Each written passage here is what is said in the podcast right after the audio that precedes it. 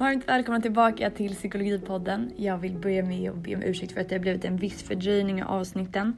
Det var nämligen så att min dator blev stulen och med den så försvann det också ett gäng avsnitt. Eh, så jag ska se om jag kan åtgärda det vid ett senare tillfälle. Just nu så hinner jag inte spela in dem igen.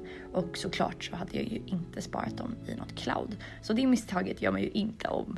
I alla fall, jag har precis kommit tillbaka till jobbet efter inspelningen och kom att tänka på två saker. Lite senare i podden så säger Ville tvärsnittstudier. Så med tvärsnittstudier så menar man att man liksom kollar på ett representativt urval vid en given tidpunkt.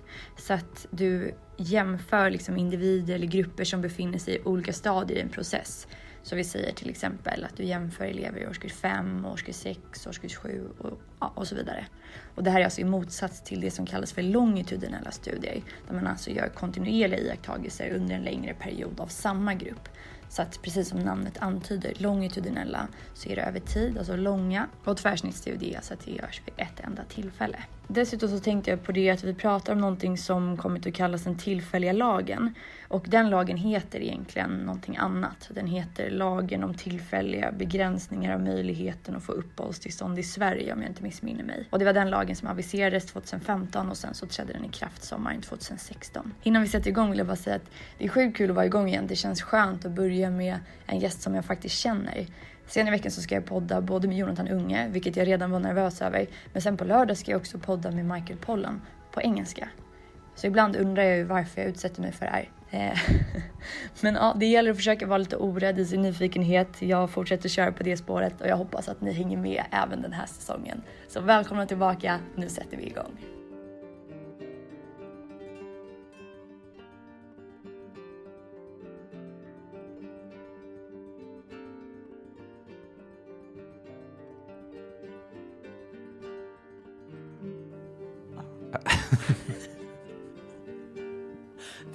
Jävla gullig. Alltså jag blir alltid så himla glad av att vara med. Jag vet inte varför.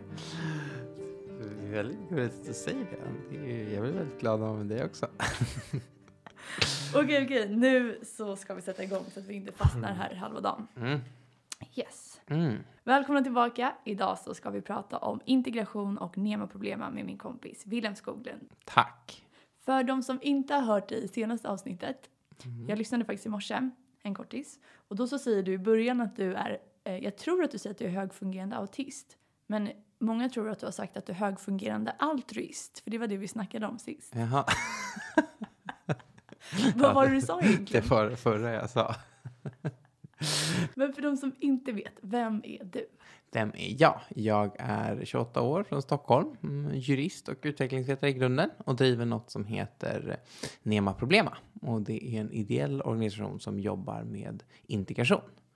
Ehm, mer specifikt så försöker vi skapa möten mellan nya och etablerade i Sverige och hjälpa nya i Sverige till eh, jobb eller utbildning då, lite beroende på ålder.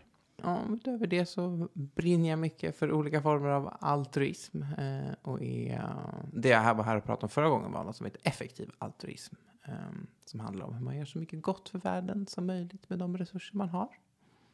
Exakt, så det vi snackade om förra gången har ju förvisso vissa beröringspunkter med det vi ska prata om idag. Men nu ska vi fokusera mer på integration och vad NEMA-problemen gör egentligen. Exakt. Men jag tänker så här, em, om vi ska avgränsa oss lite, för vi har pratat om att det finns så otroligt mycket att säga på ämnet. Mm. Em, så att jag vill bara säga det att vi vet att vi inte kommer få med allt idag. Eh, och vi försöker avgränsa oss till de sakerna som vi känner är viktigast att prata om just nu. Men precis så. Jag kan väl också då lägga en, eh, jag vill säga att eh, jag kommer försöka vara så objektiv som möjligt eh, och liksom ska ju bara presentera fakta så som fakta finns. Men det kan ju hända att någonting av det jag säger präglas lite av mina åsikter i frågan. Liksom. Som sagt, ska förhålla mig, försöka förhålla mig så objektivt som möjligt. Men det kanske kan bli lite färgat då. Det går helt okej. Vad bra. Kan vi inte bara börja med att definiera lite så här, vad är migration, vad är integration? Mm, men jättebra. Det är ju någonting som jag tror ganska många blandar ihop sådär, i alla fall till vardags. Eh, migration, det är ett ganska rättframt begrepp egentligen. Det avser helt enkelt att en grupp människor flyttar någorlunda långt under någorlunda lång tid. Då. Så att om, om Jackie åker till, eh, ja, men från eh, Östermalm där vi är nu till söder så migrerar han ju inte. Men om man flyttar till USA så kanske man gör det. Lämnat säker mark. Exakt. Oj, oj, oj, oj, oj, oj. Eh, Det är ju måndag trots allt. Men, men faktiskt, man pratar om, eh, också om eh, intern migration och internationell migration. Så att eh, det finns, det är inte helt ovanligt att man pratar om, om intern migration och det är alltså migration inom ett land. Inte jättevanligt i en svensk kontext kanske, men om man tänker på länder som Kina eller USA eller Indien där det verkligen är lite större geografier och lite större skillnader så blir det mer relevanta. En annan viktig skiljelinje brukar man dra mellan eh, frivillig migration och tvingad migration, då, eller på engelska forced migration. Eh, här är det ju inte lika liksom, vattentäta skott. Eh, ibland så är det ju solklart att om, om jag får feeling och flyttar till USA så är det uppenbarligen frivilligt. Eh, och om det utbryter krig någonstans och någon verkligen inte vill flytta men måste, eh, liksom för man riskerar livet, då är det ju uppenbarligen tvingat. Men låt säga att du bor någonstans där du, ja, men du kan jobba och kan liksom eh, du överlever, men knappt. Eh, och i ett grannland så kan du nog faktiskt ta dig lite framåt och skapa bättre möjligheter för dig själv. Är det frivilligt eller tvingat? Ja, det behöver bli lite svårare att säga då. Eh, och istället då för att dela upp det mellan tvingat och frivilligt så brukar migrationsforskare prata om så här, vad är det som driver migration? Och då har man delat in det i push och pull-faktorer. Där push är sånt som helt enkelt trycker någon från ett ställe, till exempel fattigdom eller politiskt förtryck eller krig eller något annat. Och pull kan vara någonting som tilltalar någon annanstans, kanske till exempel att ja, men man har släkt där, skulle kunna vara en pullfaktor. Att det finns bättre ekonomiska möjligheter, att det finns möjligheter att leva på ett sätt som man önskar göra. Um, så det är kort om migration då. Om man tittar på integration så handlar det om vad som händer när man kommer till en ny plats. Och det här är ett mycket, mycket svårare begrepp och det finns liksom inte någon allmängiltig definition som alla skriver under på. Men alla är nog med på att det handlar om en process eh, för att eh, se till att de människor som kommer till en ny plats blir en del av den platsen, då, av det samhället eller av det landet. Och de flesta eh, integrationskunniga eller integrationsforskare brukar säga att det här är en tvåvägsprocess. Så att det inte bara att liksom, ja men låt säga att jag då flyttar till USA, att jag anpassar mig och blir precis som en amerikan. Utan också att amerikaner och det amerikanska samhället till viss del anpassar sig och ser till att det finns möjligheter för mig att då integreras, att bli en del av samhället. Eh, och vi kommer nog grotta lite mer i det sen och gå igenom vilka delar som finns i begreppet. Men man kan nog börja så tror jag. Mm. Så tänker jag att vi kanske kort också ska prata om invandring och om asylsökande. Och lite samma där, om vad definitionen är av de två begreppen. Mm, men absolut. Eh, alltså först och främst kan vi säga att invandring har ju funnits väldigt, väldigt länge. Det är inte lätt att tro att det är något väldigt så här, samtida fenomen. Men, men eh, alltså på ett globalt plan så är det bara att betänka att liksom, människan uppstod i Afrika och har spritt över hela världen eh, över årtusenden så att säga. I Sverige så ser man så liksom finns migration dokumenterat eller invandring dokumenterat från 1500-talet eh, med liksom en första våg så tidigt som 1600-tal under stormaktstiden när det kom hit många. Ehm, men då om man blir lite mer samtida så har ju en mer globaliserad värld och bättre teknik och bättre kommunikation inneburit att det är eh, väldigt många som rör sig över världen just nu. Då. Så att eh, ja, FN räknar med att det finns ungefär 250 miljoner migranter i världen, internationella migranter alltså som har flyttat till ett annat land. Då har man inte räknat med de här interna migranterna. Om man räknar med dem så tror jag att det är upp mot en miljard 800 miljoner eller något sånt där. Så att väldigt många helt enkelt. Eh, invandring, när man säger invandring så, här igen, det liksom finns nog inte någon allmän definition som alla skriver under på, liksom gemene man sådär, men när SCB talar om det, eller när man talar om det i forskning, då brukar man mena att någon har fått uppehållstillstånd i ett land. Och uppehållstillstånd, det är någonting man får av Migrationsverket och innebär helt enkelt att man har rätt att vistas någonstans. En av de grunderna för uppehållstillstånd då är asyl, som du var inne på förut då. Så ja, men vi kan väl kanske gå igenom asyl eller uppehållstillståndsgrunder. Är det bra? Det är väl strålande? Det är väl strålande. Jag älskar, du är så självgående. Jag får äntligen prata lite. I will never stop. I will never ever stop. Berätta för oss olika skäl till att få uppehållstillstånd och hur det ändrades kanske lite när den här tillfälliga lagen kom till. Ja, nej men absolut. Alltså, um, Först och främst kan man väl säga att liksom, när man pratar om invandrare så tror jag att väldigt många tänker på flyktingar eller asylinvandrare. Då, för det är ju väldigt ofta det man pratar om i, i media eller i, i politisk debatt och så vidare. Men det är ju alltså en, en, en, minoritet och en ganska stor minoritet av invandrare, särskilt om man ser till historien. Under senare år har vi haft hög just då asylinvandring till Sverige, men, men historiskt då är det inte så. Utan då har det varit andra grunder som har varit mer betydande. Och vilka är de grunderna då? Ja, ehm, Um, nej, så de olika sätten man kan få uppehållstillstånd på är först och främst det viktigaste, det som flest har fått uppehållstillstånd på genom historien och förra året eh, vanligtvis, det är anknytning. Och det innebär helt enkelt att man förenas med en familjemedlem. Eh, och en familjemedlem i den här definitionen, det är en make eller en maka, en registrerad sambo eller partner, eller då barn som är under 18. Eh, och Ehm, för att man ska kunna få förenas med någon som är en familjemedlem så ska den också vara medborgare i Sverige, ha permanent uppehållstillstånd här eller tillfälligt uppehållstillstånd som flykting. Dessutom så ska den kunna försörja, det gäller ett försörjningsgrad. Då. Det är alltså så man ska kunna tillse bostad och försörjning för den som kommer till en i Sverige. En annan väldigt viktig grund är arbete, eller att man vill öppna eget. Då. Och Sverige har en ganska speciell ordning internationellt sett där det ytterst är upp till företag. Um, om man ja, inte tycker att man hittar relevant kompetens i Sverige så kan man rekrytera den från utlandet. Och då så ska eh, anställningen i Sverige leva upp till avtalsenliga villkor och lite sådär. Och så ansöker man tillsammans till Migrationsverket så kanske man får komma hit. Eh, så studier Eh, om man blir antagen till studier i Sverige så kan man få uppehållstillstånd här för studietiden och då ska man också kunna visa att man kan försörja sig under studietiden. Eh, och sen så det som, som jag var inne på i början, det som man pratar mest om eh, och det som jag också kommer mest i kontakt med i vardagen, det är ju då uppehållstillstånd för skydd och asyl i Sverige. Eh, och här finns det lite olika sätt egentligen. Det vanligaste eh, det är att man kommer till Sverige och söker om asyl här då Eh, och då kan man antingen få skydd som flykting enligt FNs konvention då, eller så kan man få skydd som alternativt skyddsbehövande.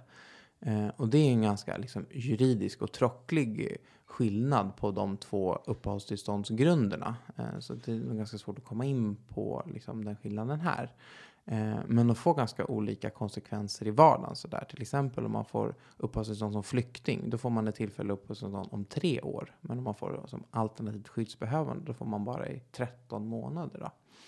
Eh, dessutom så innebär det olika möjligheter att få hit sin familj. De reglerna håller på att förändras nu så att det är svårt att säga något eh, absolut där. Men, men det är en ganska hårfin gräns om vem som är flykting och vem som blir alternativt skyddsbehövande. Men det får alltså väldigt stora konsekvenser i praktiken. Eh, förutom de här sätten så kan man också då få skydd i Sverige utan att ha kommit till Sverige och söka här. Och det får man genom FNs kvotsystem. Mm. Eh, så Sverige har åtagit sig att man ska ta emot ett visst antal flyktingar varje år genom det här systemet. Det ligger på ungefär 5000 just nu. Eh, och då är det helt enkelt folk som befinner sig i en utsatt situation i ett annat land som, som ansöker om att få bli förflyttade därifrån till FN. Och sen så kommer man hit. Då. Så då får man uppehållstillstånd innan man kommer hit till skillnad från de här andra Exakt, exakt. Mm. Eh, och du var inne på den här lagändringen förut då. Eh, och det, är, det var en lagändring som gjordes 2016. Och det var edan av att det hade kommit väldigt, väldigt många asylsökande till Sverige under ett par år. Eh, särskilt 2014 och 2015 kom det väldigt många. Eh, 80 000 ungefär 2014 och 160 000 drygt 2015. Vilket liksom var ett jätterekord jämfört med tidigare. Då. Och då tyckte man att nej, men det här är för många. Eh, och, och det var nog rätt och riktigt till viss del. Då. Eh, och då sa man då ska vi göra någonting åt det här. Eh, och då begränsade man möjligheterna att få uppehållstillstånd i Sverige. Dels tog man bort några skyddsgrunder som vi hade förut och dels så gjorde man om uppehållstillstånden. Så förut hade man permanenta uppehållstillstånd som huvudregel i Sverige. Alltså att om du får uppehållstillstånd då får du stanna här hur länge som helst. Nu är huvudregeln tillfällig uppehållstillstånd, att man får stanna under en viss tid. Och så får man ompröva det här beslutet och kolla om skyddsbehovet kvarstår. Då, lite då och då. Um, så det gjorde helt enkelt, tillsammans med andra faktorer i omvärlden ska man säga, att det kommer väldigt många färre till Sverige. Um, så ja, men i år så har det kommit 21 000 till Sverige, då, att jämföra med de här 160 000. Uh, och förra året var det 23 000 eller sånt där. Det är också viktigt att ha med sig. Jag tror att det är väldigt många som lever kvar i bilden av att liksom um, det kommer väldigt, väldigt många till Sverige fortfarande, men, men det stämmer då inte riktigt, utan asylinvandringen har minskat drastiskt då, sen, sen de här förändringarna infördes. Den infördes ju då 2016 och nu är vi snart inne i 2020. Vad hände med tillfälligheten i lagen? Vad hände med tillfälligheten? Ja, men det är faktiskt många som undrar.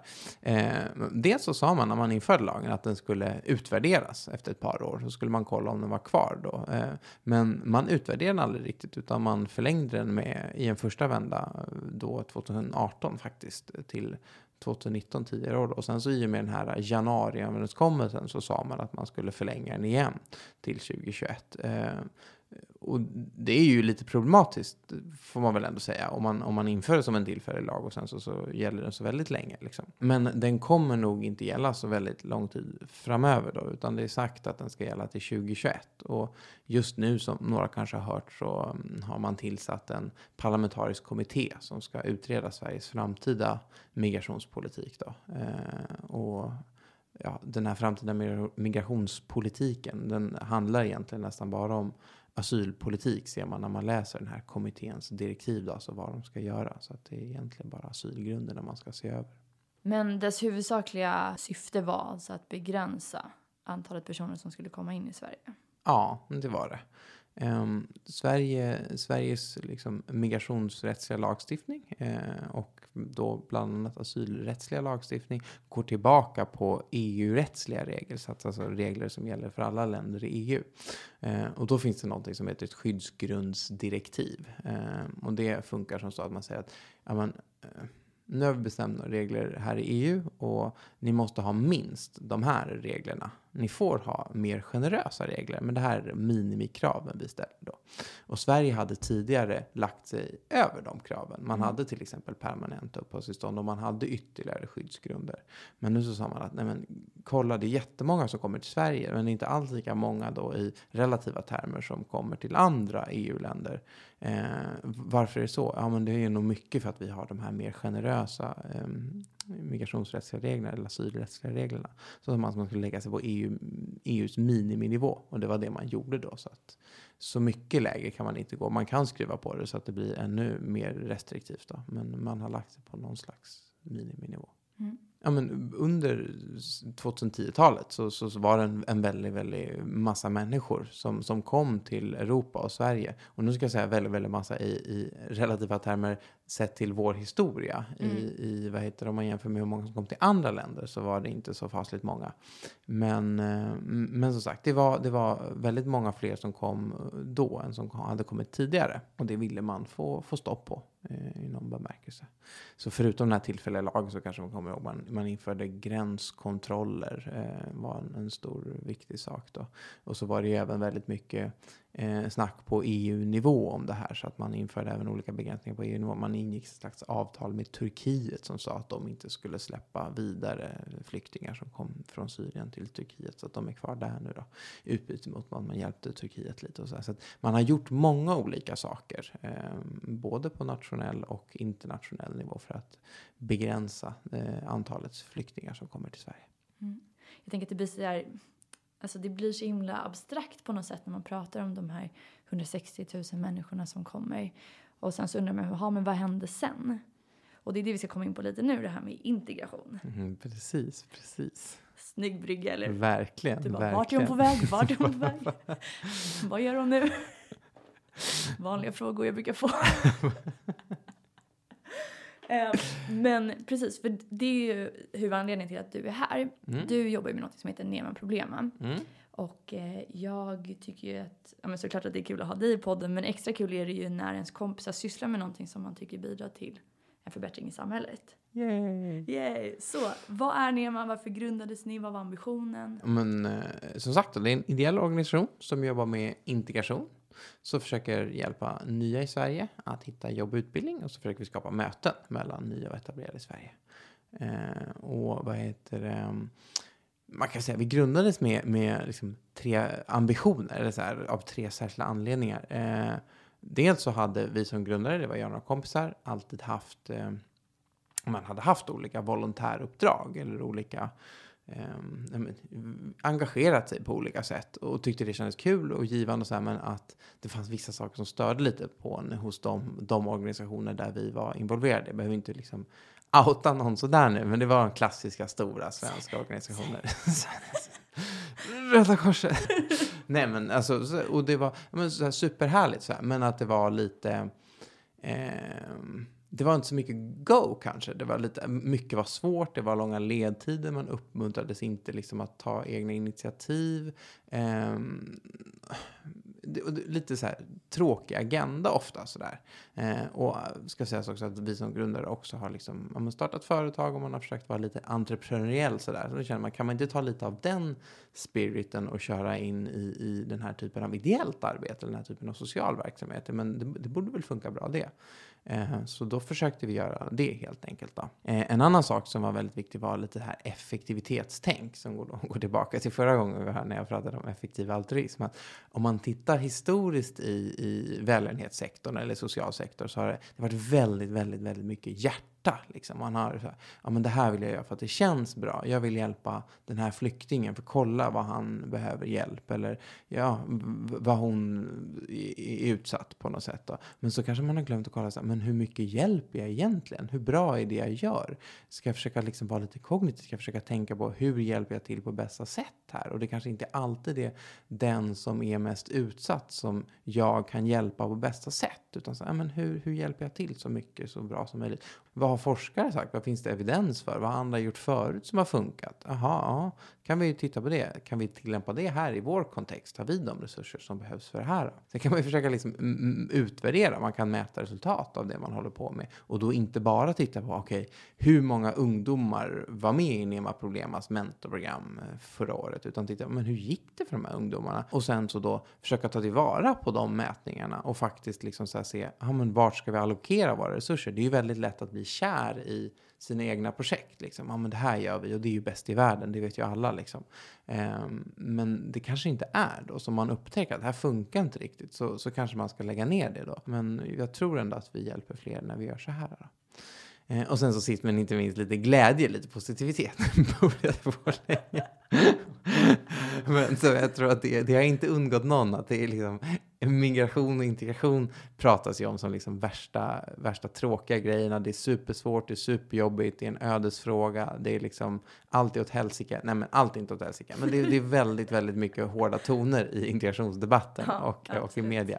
Eh, och det kände vi helt enkelt, men det här stämmer ju faktiskt inte. Dels så är det nog inte så, så hemskt och svårt som man ofta vill få det att låta och dels så finns det ju väldigt mycket i integrationsprocessen som faktiskt är ganska, ganska kul och enkelt. Liksom. Det finns supermånga utmaningar, ja, absolut. Men det finns också många möjligheter och som sagt mycket som är ganska kul och enkelt. Delar integration, det är ju att få nya vänner, det är att få nya kontakter, det är att träffa nya människor. Det är ju inte så, så jätteläskigt eller jättesvårt eller jätteomöjligt. Liksom. Att liksom lära sig om nya kulturer, att lära sig ett nytt språk, det behöver ju inte heller vara liksom värsta det här bara oh, det är så dåligt och det är så svårt och det är så läskigt. Liksom. Så att mer, mer positivitet och glädje. Dels för att det är härligt och dels för att vi tror att det inducerar förändring på ett bättre sätt. Då. Mm. Mm. Så om man kollar på vilka olika delar integration består av. För du var ju mm. inne på att vissa saker kan vara att träffa vänner, det kan vara socialt, det kan vara kulturellt. Vad mm. brukar man titta på där? Ja, men det är en jättebra fråga. Ehm, det finns ju inte någon sån här uppdelningar som alla går med på, men sex väldigt, väldigt vanliga teman som brukar dyka upp är då arbetsmarknadsmässig eller utbildningsmässig integration. Det är helt enkelt i vilken utsträckning invandrare får arbete eh, och huruvida de arbetena ligger någorlunda liksom impair med ens kompetens. Mm. Eh, om man är läkare och får arbete som taxichaufför kanske inte det är asbra integration, men det kanske är ett steg på vägen och då är det, ja, du förstår. Eh, sen så, så brukar man prata om social integration. Det är helt enkelt att man får vänner eh, och att man umgås över liksom då etniska gränser eller linjer. Då.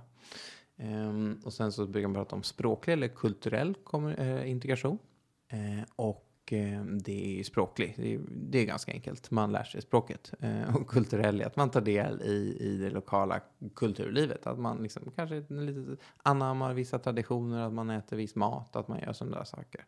Eh, kan ju även vara att man introducerar delar av sin egen kultur i den, eh, den plats man kommer till. Mm. Och sen så, så pratar man om eh, subjektiv integration. Då. Alltså hur jag känner mig. Oavsett om jag har ett jobb eller inte. Oavsett om jag har massa svenska kompisar eller inte. Oavsett lalala. Hur känns det för mig? Känner jag mig som en del av Sverige i det här fallet då? Eller känner jag mig inte som en del av Sverige? Mm. Man kan ju även vända på det och tänka så här. Ja, men hur, vad tycker de som bor i Sverige sedan tidigare? Känns de som kommer hit som svenskar eller känns de inte som svenskar? Skulle också kunna vara en del i subjektiv integration då.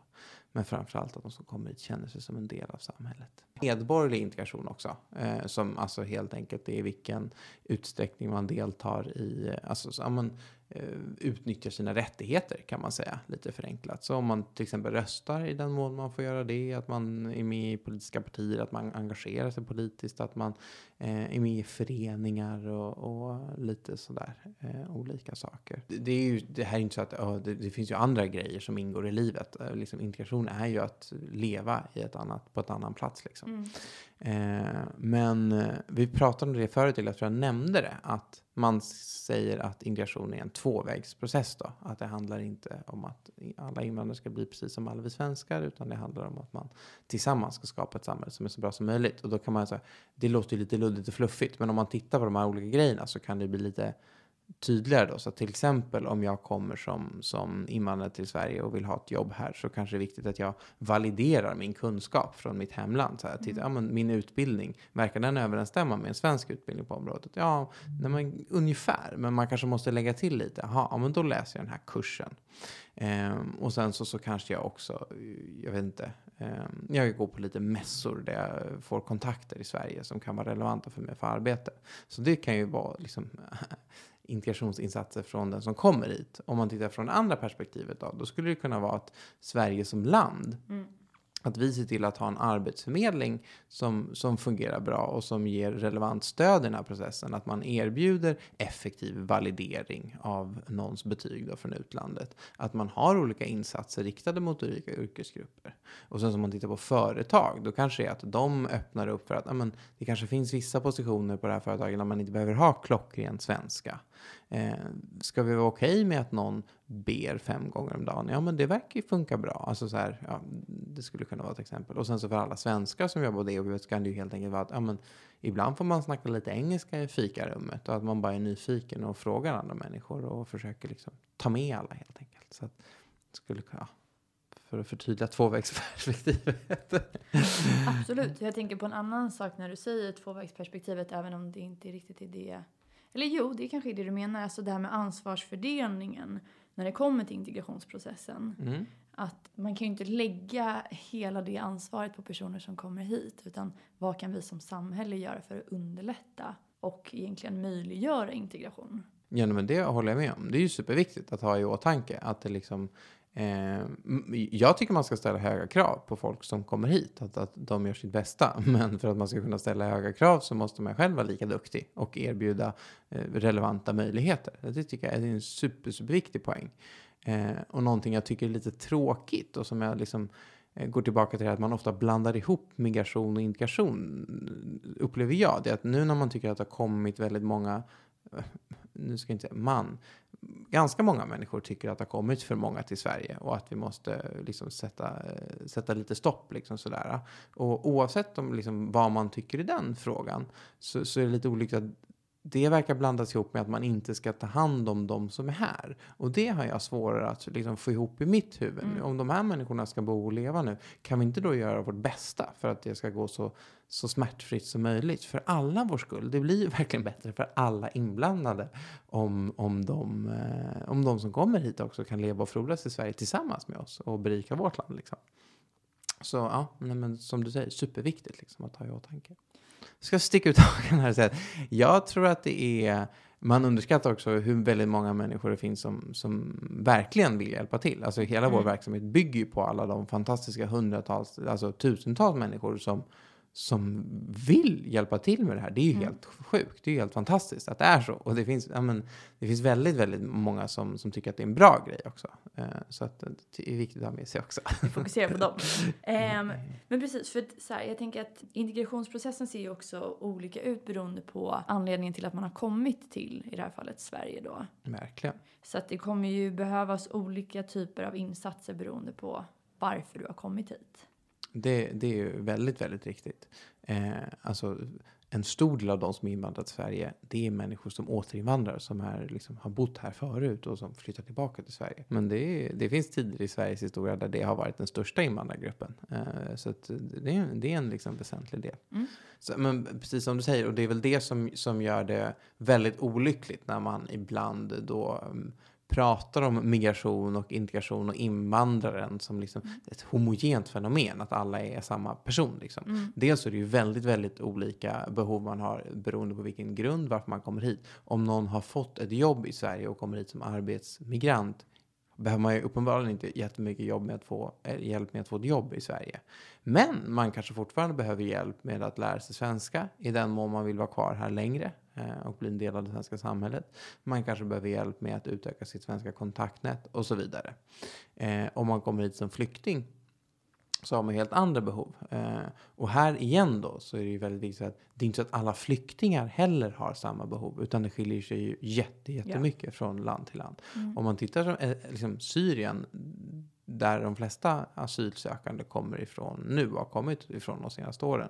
Det är ju ett väldigt diversifierat land. Om man kommer från syriska landsbygden då kanske man alltså, har gått i grundskola, knappt det. Eh, om man kommer från Damaskus eller Aleppo, då har man ju med stor sannolikhet haft liksom en uppväxt som är väldigt lik någon liksom, ja, men gemene man i Sverige. Då, liksom. Det är ju också väldigt, väldigt olika förutsättningar. Jag tror att, det, jag tror att liksom, man gör sig själv en otjänst om man pratar för generellt. Men, men eh, en sak som är, alltså, om man tittar på, det finns lite liksom internationella studier som försöker bygga upp integrationsbegrepp där man har liksom som, en liten, som en liten trappa eller en tratt där man måste lägga ett fundament och sen så, så kan bygga på det med, med olika delar. Då. Eh, och då brukar man säga att fundamenten i det, det är att tillse liksom relevanta rättigheter. Eh, alltså så här, och det har ju Sverige ganska bra på plats. Liksom, att när man kommer hit så, så ja, men, får man, man får grundläggande skydd helt enkelt. Då. Och sen så, så, brukar man också prata om att det är eh, väldigt viktigt att känna någon slags säkerhet, någon slags stabilitet. Då. Eh, och där kan man väl eh, vara lite mer kritisk till Sverige, huruvida man har tillsatt det genom de här tillfälliga uppehållstillstånden som jag nämnde förut. Men hur, hur så brukar, det brukar man prata om, om så här, som grundpuckar. Eh, någonting vi upplever i vårt arbete på Nema Problema eh, och som också har liksom nämnts i många rapporter som jag läst, det är ju vikten av att eh, folk som inte mår bra, eh, psykiskt då framför allt, att, att de får hjälp med det i ett tidigt skede. Eh, om man mår bra psykiskt så behöver man ju uppenbarligen inte den insatsen. Men om man inte gör det, för det, liksom lägger, det lägger liksom en våt filt över allt annat. Om man bara blir, liksom, ser till vårt exempel, när vi, vi har mentorprogram för människor som är nya i Sverige. Om man, eh, människor som var med i mentorprogrammen som, som kanske var led av PTSD eller som led av depression, det var ju helt vi la jättemycket resurser på att försöka få med dem på båten och försöka hjälpa till på olika sätt. Men man, man kände att det var ju helt dödfött. För att de, de, de, de, var liksom, ja exakt, de var inte mm. mogna för att, liksom, att ta till sig den hjälpen. Mm. Och, och, där tror jag att det är väldigt viktigt att man lägger den grunden först då, helt enkelt. Det, det, finns inte några jättebra studier på området. Det finns en studie avseende ensamkommande mm. ungdomar. Mm. Eh, och där är det ju väldigt, väldigt högt. Eh, och det, det, är ganska, det är ganska litet underlag så man får väl vara försiktig med att dra alldeles för höga slutsatser av det. Men, men eh, man kan ju bara liksom tänka sig att det är väldigt många som mår väldigt dåligt. Och jag har ju i min verksamhet hört om, om ett par stycken. Eh, och det är ju väldigt läskigt såklart. Liksom. Mm. Det måste man kanske börja med i de fallen då. Eh, och då ska jag också säga så att det är inte alls, alltså här är det ju väldigt stor skillnad mellan olika eh, invandrargrupper också. Så mm. att eh, asylsökande är den grupp där psykiskt, eh, psykisk ohälsa är, är, väldigt högt förekommande, inte lika mycket så i andra invandrargrupper. Mm. Men, men i övrigt så är en sån här, en, en, en integrationsfaktor som, som har, som har eh, stor inverkan på många andra områden som ofta lyfts fram som väldigt avgörande. Det är ju språk då. Eh, och det kan man väl tänka sig att det delvis är i förändring i och med att eh, liksom, samhället blir mer engelsktalande då. Men, men alltjämt skulle jag säga att det är, det är liksom en, en, eh, i och med att den är så viktig i så många olika sfärer så, så, mm, så blir det avgörande då helt enkelt. Men sen så tror jag, alltså jag tror verkligen att det är svårt att säga att det är liksom det här som behövs i, i liksom enskilda fall. Eh, eller förlåt, generellt, man får se till enskilda fall.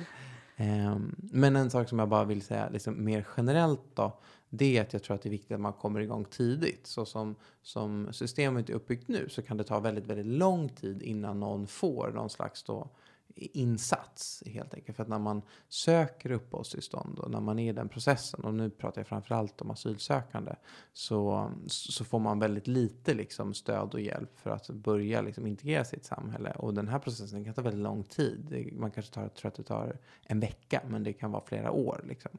Eh, och då om man har suttit och inte fått svensklektioner eller om man inte har fått träffa svenskar eller inte fått ta del i liksom, arbetsmarknadsintegrerande program. Då, då blir det ju dels väldigt demotiverande kan jag i alla fall tänka mig och säga de som jag har pratat med. Liksom, bara sitta och häcka i tre år. Liksom. Eh, och dels så har man ju bara kastat bort eh, de här åren lite i onödan kan man tycka. Och där kan man ju göra så här, om man, om man vill engagera sig eller om man så, som ideella organisationer, de kan ju ta hand om de här människorna med en gång. Liksom. Som I mentorprogrammen så har ju vi folk som fortfarande inte har fått sitt uppehållstillstånd. För ja, men det är liksom en, en, en, en grupp människor som vi kan ta, där vi kan göra en insats där staten inte kan göra det på samma sätt givet nuvarande regelverk. Då. Um, så det kan man ju tänka på som individ också kanske, eller som annan organisation. Ja, jag kan tänka mig att det är svårt som individ om man lyssnar på det här till exempel och antagligen då är intresserad av, mm. av integration. Um, att veta vart man ska börja. Alltså om vi då vänder på steken, inte... Jag menar, vi vänder på steken. Mm. Jag är vegetarian. vi vänder på tofubollen. Tofubollen? Mm. Vad heter det? Tofu-fyrkanten? Tofu, jag har ingen aning om tofu. Jag tror ganska sällan man äter som biff. Du outar din oveganism här tror jag. vi vänder bara på det. Ja, vi vänder på det. Man är individ. Mm. Man vill engagera sig. Men man kanske inte vet vart man gör det. Nej. Eh, nej men först och främst så vill jag säga att jag tror att en jättebra grej att, att börja med det är ju så här bara börja lite granna. Alltså så här, och så när man väl har börjat lite granna så tror jag att man kommer se att det är ganska, ganska ganska kul och ganska givande. Och då blir det nog lite lättare att ta nästa steg då. Eh, vi börjar med steg ett. Med, med, steg ett? Ja, men då skulle jag säga så här, titta lite, titta lite på dig själv. Liksom, vart bor du? vad har du för möjligheter? Vad tycker du om att göra? Och så kan man hitta någonting att engagera sig i givet det. Eh, om man älskar sport kanske, så kan man ju försöka engagera sig i någonting som har sport att göra. Om man, om man brinner för språk så kanske man kan hjälpa till med något som har med språk att göra. Om man känner att man skulle vilja liksom lotsa någon liksom i arbetsliv, man kanske själv precis har börjat jobba och tyckte det var superkul, eller man precis har börjat plugga och man säger, ja men det var ju lite svårt där med universitetsstudier. Då kanske man kan bli mentor, att liksom titta lite på sig själv och vad man själv gillar. Eh, och sen så, så är det egentligen bara att, att googla skulle jag säga. Det, det finns väldigt mycket bra initiativ runt om i Sverige.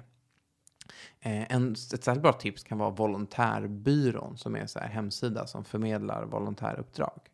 Eh, och de har många ideella uppdrag. Eh, om man bor i Stockholm så får man ju jätte, jättegärna hänga med i NEMA. Och då kan ju ett första bra steg vara att vi har då dels mentorprogram för människor som är nya i Sverige och sen så har vi också stora öppna eh, firanden där det är hälften nya i Sverige, hälften etablerade och så träffas man och så övar man lite svenska och framförallt bara knyter kontakter och har lite kul tillsammans. Då skulle man kunna komma på ett sånt firande först och så här, ja men verkar det här kul, verkar det här vettigt och sen så, så haka på och bli mentor då till exempel. Eh, men om man inte tänker så här, engagera sig volontärt eller ideellt liksom, så, så finns det ju mycket annat man kan göra. Eh, om, om, man inte har den tiden så finns det så här digitala plattformar. Eh, det finns något som heter Lingu där man kan bli så här språkkompis med någon. Det finns säkert massa andra hemsidor och där. Jag har dålig koll på det men det borde bara vara att googla också.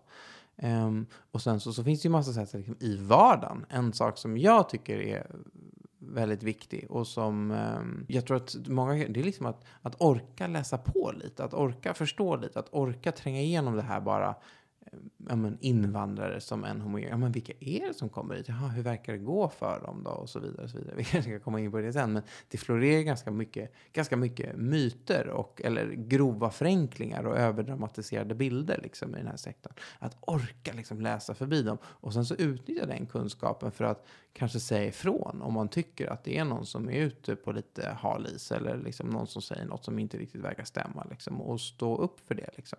Eh, tror jag är superbra liksom, vad man kan göra.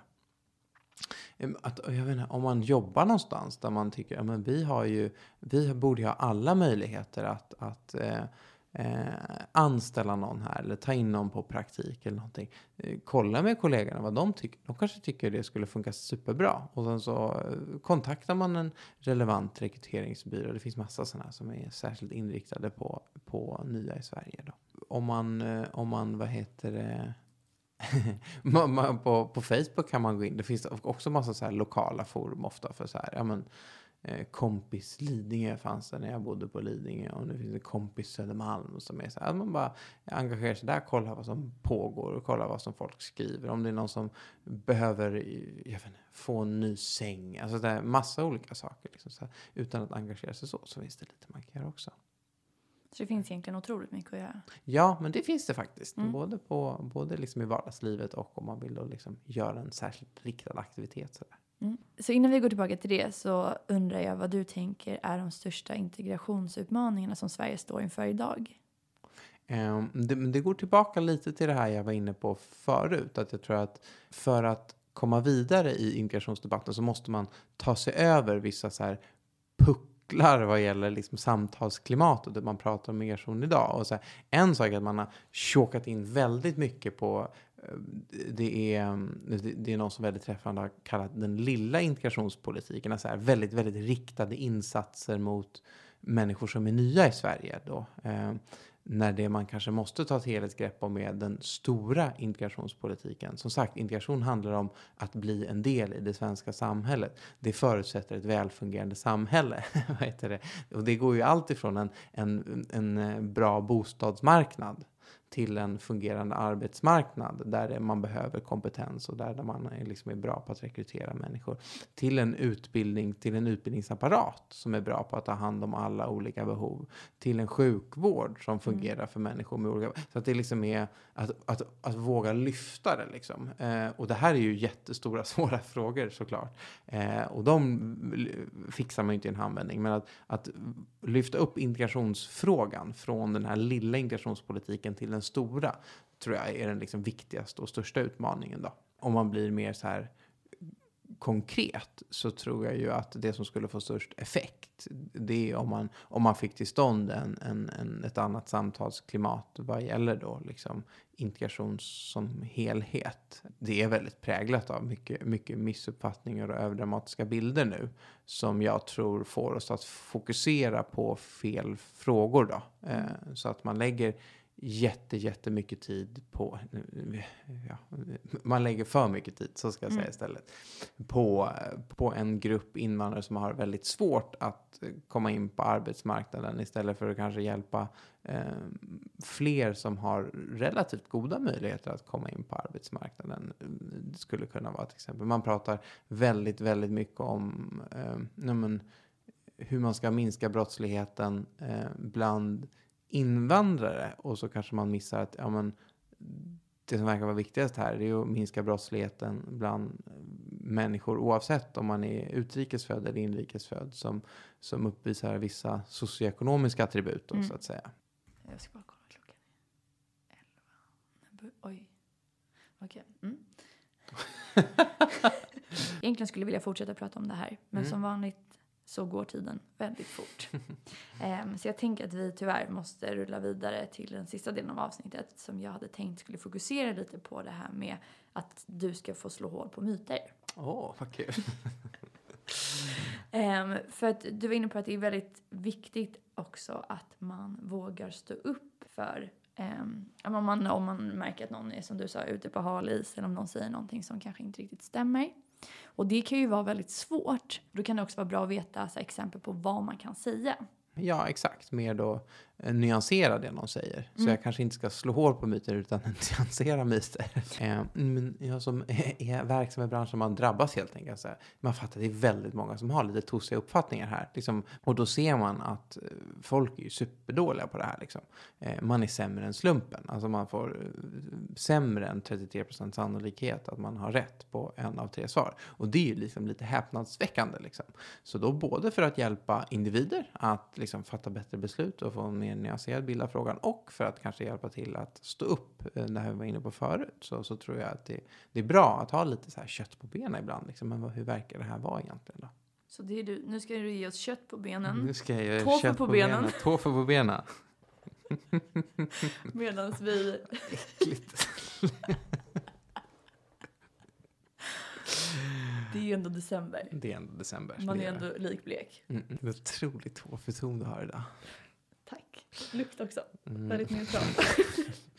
Men tillbaka till Mm. giften. Mm. Vi rullar igång Mm. med en myt och så får du nyansera den. Yay, yay. Det känns heter extremt PK. Du ska så nyansera.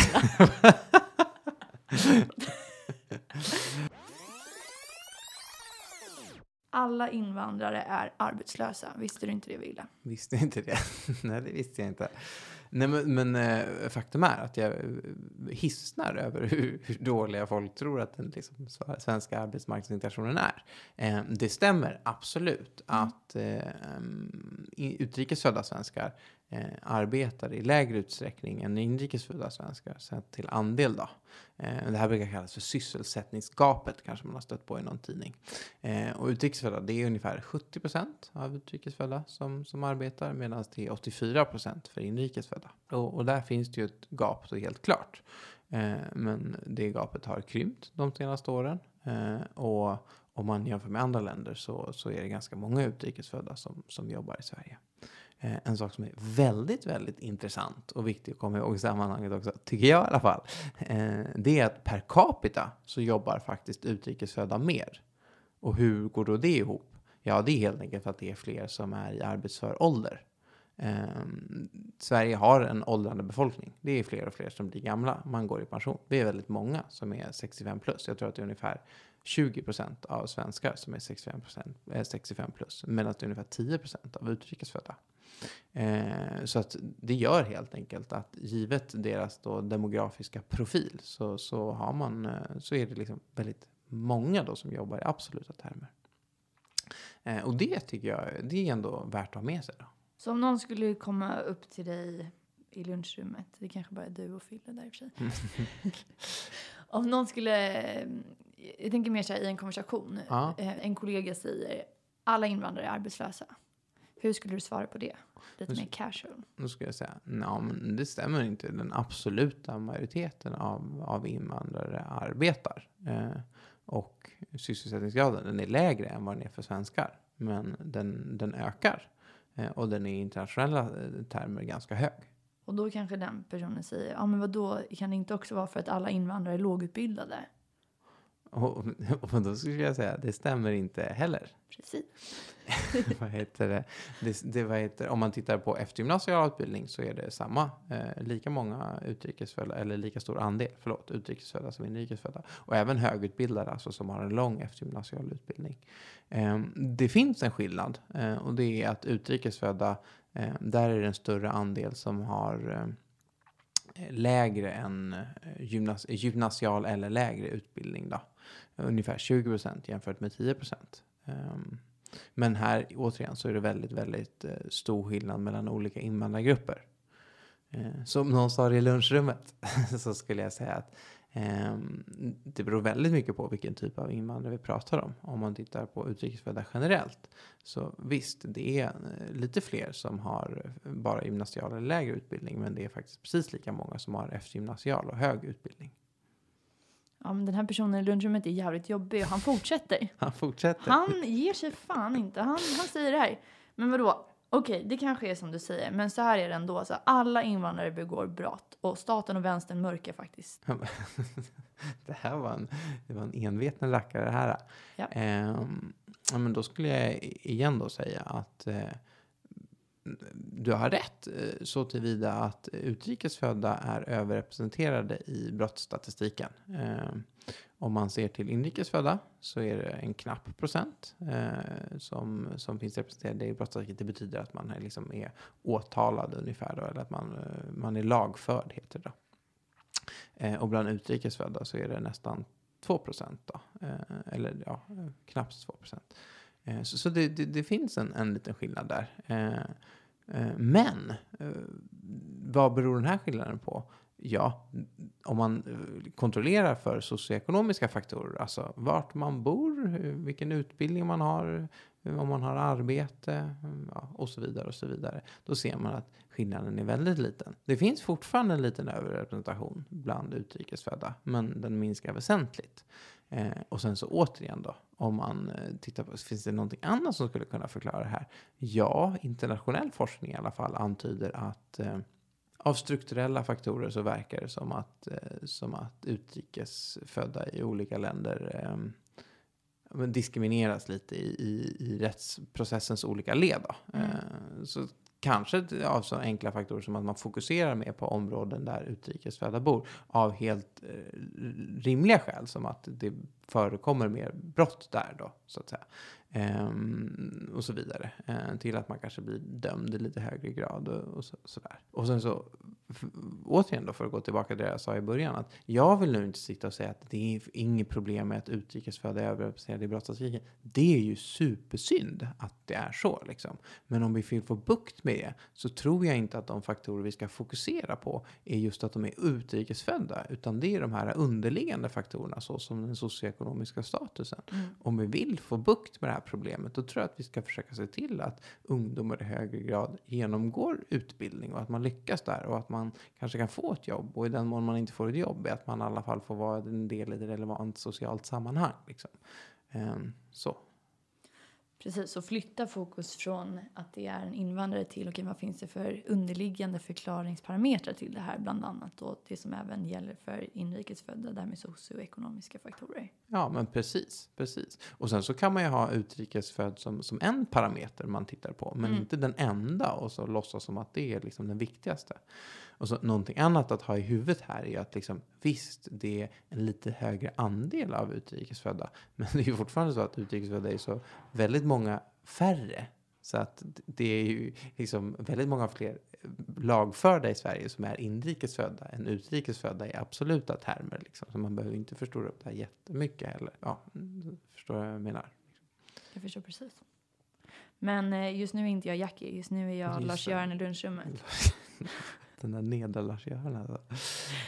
Jag kom på när Lars-Göran sa någonting om att det här mörkas. Liksom. Eh, och det jag tror att Lars-Göran är ute efter då, det är att det är många politiker och andra aktörer som ofta säger vi måste studera det här mer. Och liksom jag som är, jag som är rånörd och liksom gillar att läsa rapporter och forskning. Jag, jag tror att jag, alltså jag har räknat någon gång och då kom jag upp i 25 stycken publicerade rapporter på det här ämnet sedan 70-80-talet som alla slår fast att utrikesfödda är överrepresenterade i brottsstatistiken. Så att liksom, om det är det du vill undersöka igen, så, så jag förstår liksom inte riktigt varför. Vad ska man göra med den? Det här vet vi.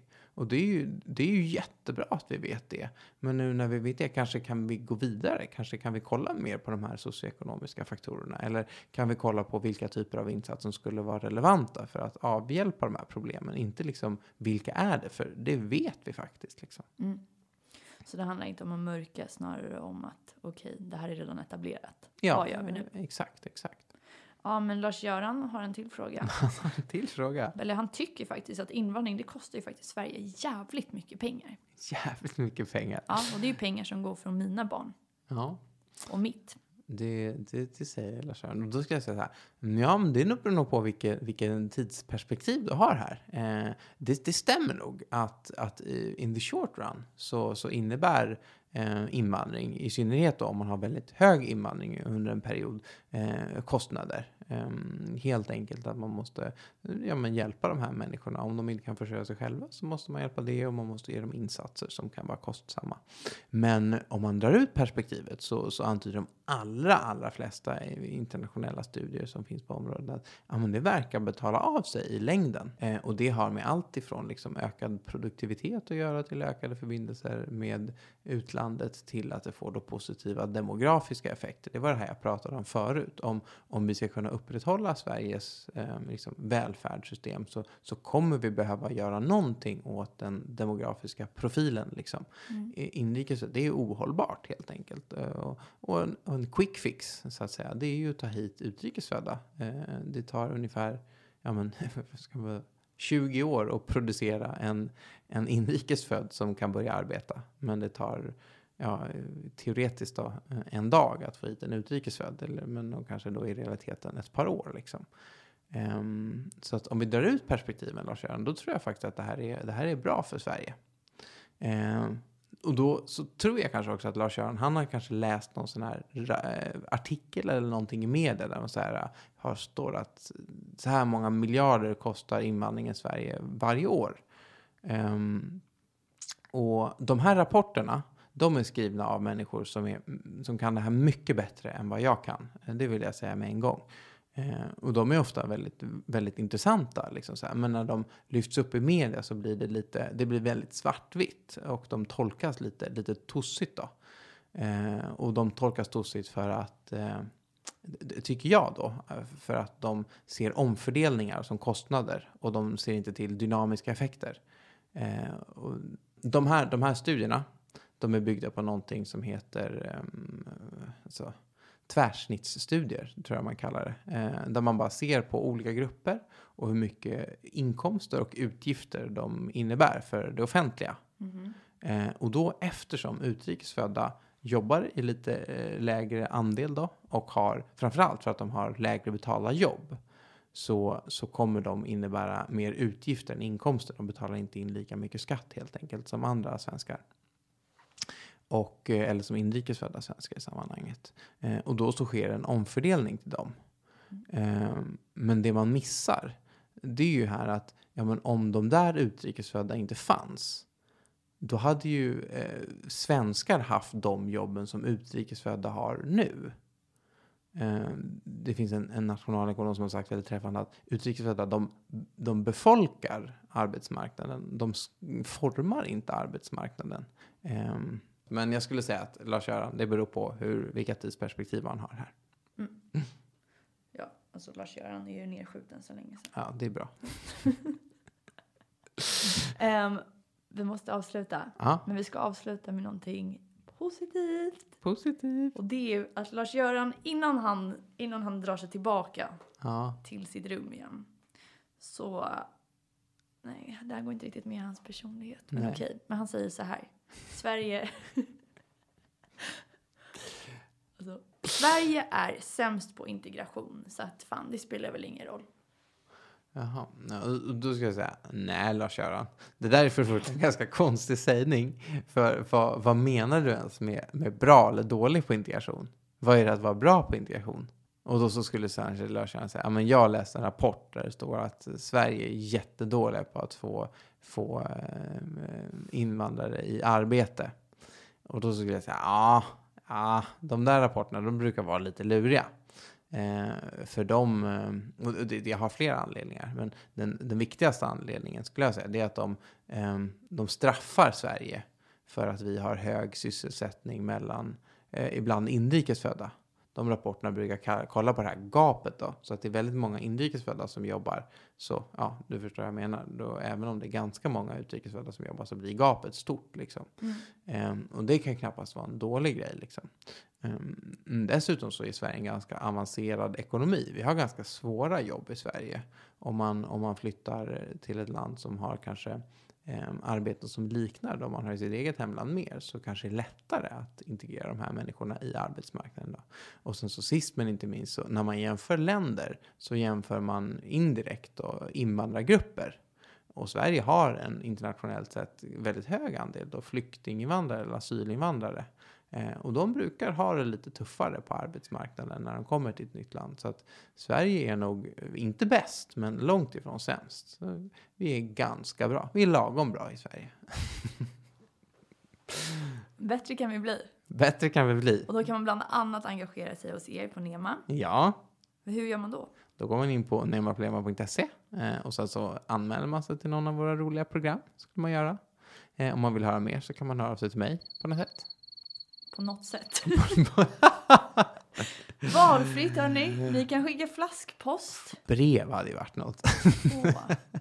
Det var väldigt trevligt men det också ganska ineffektivt. Ja, nej men mail verkar ju mycket bättre. Ja, det Eh, verkar så. Ville med enkel v at nemaproblema.se. Eh, eller LinkedIn eller något sånt där. Wilhelm Skoglund. Har du några fler tips? Eh, ja, men det har jag. Om man vill engagera sig så skulle jag tipsa om Volontärbyrån igen då. Eh, om man inte tycker att det som vi gör på Nema verkar bra så, så har de massa andra bra organisationer och sådär där. Eh, toppenbra.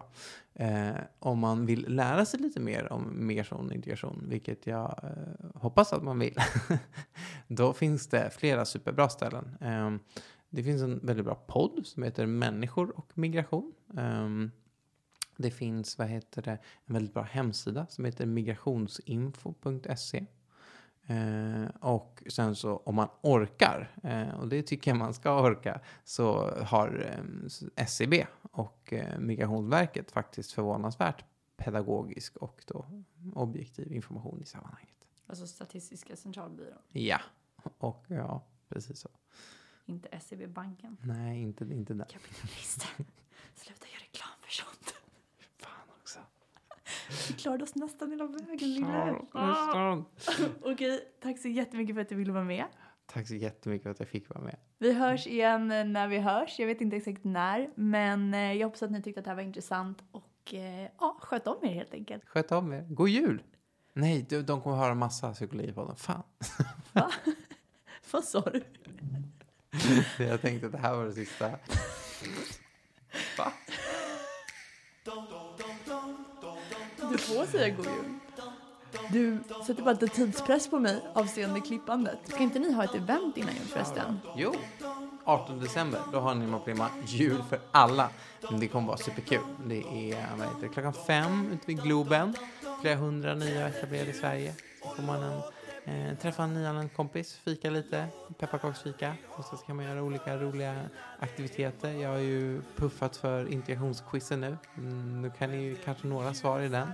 Eh, dans runt granen, julklappar. Eh, ja, det kommer vara superkul. Så kom dit och ta med er familj och vänner. Jag kommer tänka på er Ja. när ni äter pepparkakor. Jag fick en fråga, vi ska avrunda, men jag fick en fråga för några jular sedan. Jag bakade pepparkakor hemma hos en kompis, jag är ju judinna. Och då så kollade de på mig och så frågade de, Jackie, har du någonsin ätit pepparkakor förut? ja, det har jag. Okej, hej då allihopa. Hej då!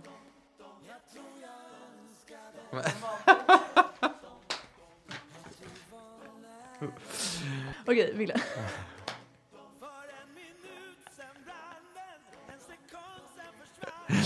Det är du som är poddproffset här. Jag är bara pratig. Inte mig.